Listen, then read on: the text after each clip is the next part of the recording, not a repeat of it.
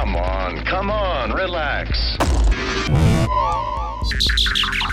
Met al die aandacht voor de James Webb ruimtetelescoop zouden we bijna vergeten dat ook op planeet Mars naar tekens van oud of huidig leven wordt gezocht. The Mars incident? Het is misschien ingewikkeld om de namen van die Marsrovers uit elkaar te houden. Stay calm. De drie actieve Marsrovers van dit moment, januari 2022, zijn Curiosity, Perseverance en Zhurong. Die eerste twee zijn van NASA en die laatste is, zoals de naam al doet vermoeden, van Chinese oorsprong. Curiosity rijdt al het langst op Marsgrond. Deze Marswagen werd al in 2011 gelanceerd maar doet het nog steeds. De Curiosity rover staat ook wel bekend als Mars Science Laboratory en bevindt zich op dit moment in de Gale-krater. De Perseverance Mars rover landde bijna een jaar geleden op Mars en rijdt ook nog vrolijk rond. Perseverance staat ook wel bekend om de Mars-helikopter Ingenuity, die tegen alle verwachtingen in ook nog actief gebruikt wordt. Perseverance bevindt zich in de Jezero-krater op Mars. Er bestaat trouwens een prachtige foto waarop te zien is dat Perseverance aan het landen is. Perseverance is continuing to descend on the parachute. Die foto is van veraf genomen door de Mars Reconnaissance Orbiter. Ik zet wel een linkje in de show notes van deze podcast. Als u deze column alleen s'nachts bij Meerte van der Drift hoort en denkt: waar vind ik deze show notes? Nou, dan kunt u naar de website van NPO Radio 2 gaan en op podcasts klikken in het menu. Met enige goede wil vindt u mijn seriële gezwets dan terug met alle zogenaamde show notes erbij. Yay! En anders kunt u natuurlijk uw dochter of buurmeisje vragen om u te helpen. Marsrover nummer 3 is het meest recent geland. Deze Chinese rover heet Zhurong en landde op 14 mei vorig jaar op de planeet Mars. China's President Xi called the landing an outstanding achievement and said the scientists had placed China in the advanced ranks of planetary exploration. Ook deze rover is nog actief en bevindt zich momenteel in Utopia Planitia. Het is de eerste rover van dit rijtje, Curiosity, waar de column van vandaag om draait. Zoals gezegd snort deze rover nog gezellig rond op de rode planeet. Aan boord van Curiosity vinden we een vernuftig chemisch laboratorium, de Sample Analysis at Mars. Maar u mag ook wel SAM zeggen. Hi there, fellas. Hiya, Sam. De hoofdtaak van SAM is het identificeren van organische verbindingen. Dit apparaat is ongeveer zo groot als een flinke magnetronoven en weegt om en nabij de 40 kilogram. Op aarde dan, hè? Tuurlijk. Op Mars is een en ander een stuk lichter.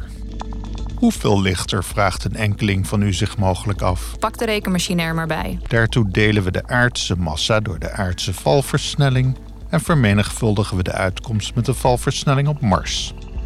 De valversnelling op aarde is 9,8 meter per seconde kwadraat.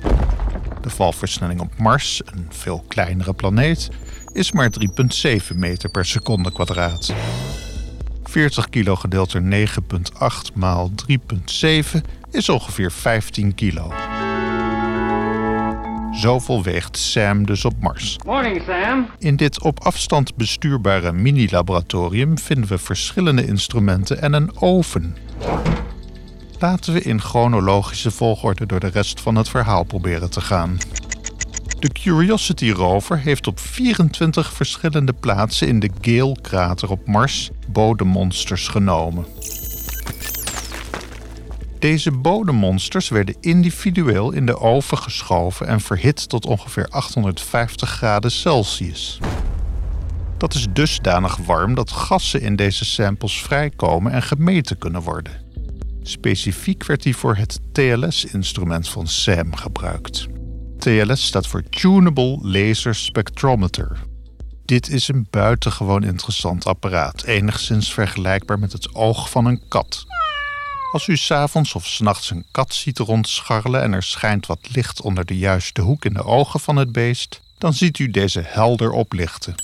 Het licht wordt namelijk gereflecteerd. Welk nut heeft dat? Nou, die kat heeft een superieur nachtzicht door deze reflectie. Want het licht wordt door weefsel achter de retina, het netvlies, weerkaatst. Dit weefsel komen we in de ogen van verschillende dieren tegen en staat bekend als tapetum lucidum. Door het reflecterend vermogen van het tapetum lucidum reizen de invallende fotonen, de lichtdeeltjes, twee keer door de fotoreceptoren in het netvlies van de kat. Hoe vernuftig, nietwaar? Iets dergelijks gebeurt in het TLS-instrument aan boord van de Mars Curiosity rover. Om de samenstelling van gas te meten wordt er laserlicht door dat gas geschenen in het TLS-instrument. Om een zo precies mogelijke meting te doen in een instrument van beperkte grootte, wordt het laserlicht maar liefst 81 keer door het gas heen en weer gekaatst. Ook al is het gehele SAM-laboratorium zo klein als een magnetronoven, de TLS-laser legt een afstand van zo'n 17 meter af door het gas. Hiermee kan buitengewoon precies gemeten worden welke chemische samenstelling het gas heeft, omdat bepaalde elementen licht absorberen en daarmee zichtbaar worden in het spectrum van het laserlicht. En in de 24 monsters van de Marsbodem werd in bijna de helft van de experimenten een grote hoeveelheid van de koolstof-12-isotoop aangetroffen. This is a strange condition. Veel meer dan doorgaans aangetroffen wordt in Marsmeteorieten of in vergelijkbare metingen in de atmosfeer van Mars. Om de significantie hiervan te begrijpen, moeten we misschien eerst even een stapje terug doen. Isotopen zijn atomen van hetzelfde chemische element, maar met een verschillend aantal neutronen in de kern. Zo kennen we van koolstof twee stabiele isotopen, C12 en C13. Koolstof 14 of C14 komt ook voor, maar is radioactief en daarmee niet stabiel. Maar hoe zit het met C12 en C13? Leg dat nu nog maar eens uit, zodat ik het ook begrijp. Alhoewel beide isotopen koolstofatomen zijn en allebei dus zes protonen in hun kern hebben, verschillen ze wezenlijk van elkaar. Aards leven gebruikt de lichtere koolstof-12-isotoop in stofwisselingsprocessen en laat daarbij koolstof-13 op de rand van haar bord liggen. That was nothing. Neuzen wij op aarde wat rond in levende wezens of restproducten van levende wezens, Hens, komen we bijna uitsluitend koolstof-12 tegen. It appears to be some kind of living organism. De verhouding tussen koolstof-12 en koolstof-13 is een mooie indicatie van met wat voor levende wezens we te maken hebben. Op de planeet Mars daarentegen liggen de kaarten anders. Hier is koolstof-12 verhoudingsgewijs veel minder aanwezig. Dan is het dus uitermate vreemd als de verhouding in een aantal bodemmonsters opeens anders gemeten wordt. What do we do? Op aarde zou de conclusie al snel zijn dat hier levende wezens in het spel zijn, of althans zijn geweest. Maar op Mars kunnen we die conclusie niet zo makkelijk trekken. Het research-artikel hierover heeft de titel Depleted Carbon Isotope Compositions Observed at Gale Crater Mars en is te vinden in het Proceedings of the National Academy of Sciences Journal. Dit is een uiterst recente publicatie. Sterker nog, als ik deze column opneem, moet het nog verschijnen. dat het zo makkelijk kan. De twaalf bodemmonsters konden worden teruggebracht naar vijf locaties in de Gale-krater, waar deze uit rotsen geboord waren door de Curiosity rover. Hier is dus duidelijk iets aan de hand, maar wat is nog niet geheel duidelijk. De wetenschap biedt twee routes om meer duidelijkheid te krijgen over deze kwestie. 1. Optie 1 is gewoon blijven zoeken naar leven. Where are they now? Als in de Gale-krater fossielen gevonden worden van bacteriën of eencelligen, kunnen we veronderstellen dat de overdaad aan koolstof-12 misschien ook wel van levende wezens afkomstig is. 2. Optie 2 is zoeken naar andere verklaringen die niet per se met levende wezens te maken hebben. Mars is immers een compleet andere planeet met een andere ontstaansgeschiedenis dan de aarde en ook een andere samenstelling dan de aarde. Zo vinden we in de Marsatmosfeer dusdanig veel koolstofdioxide dat ook de meest resolute Greta Thunberg haar schoolstakingen onmiddellijk zou staken.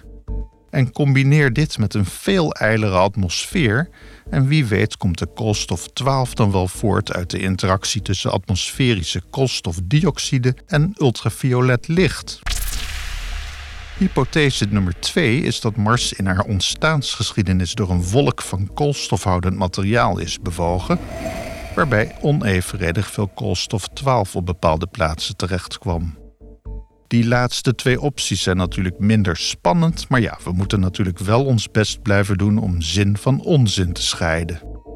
Tot dat doel blijven de Marsrovers de komende tijd nog rondrijden om bodemmonsters te nemen, in rotsen te boren en foto's te maken. Tot de volgende keer.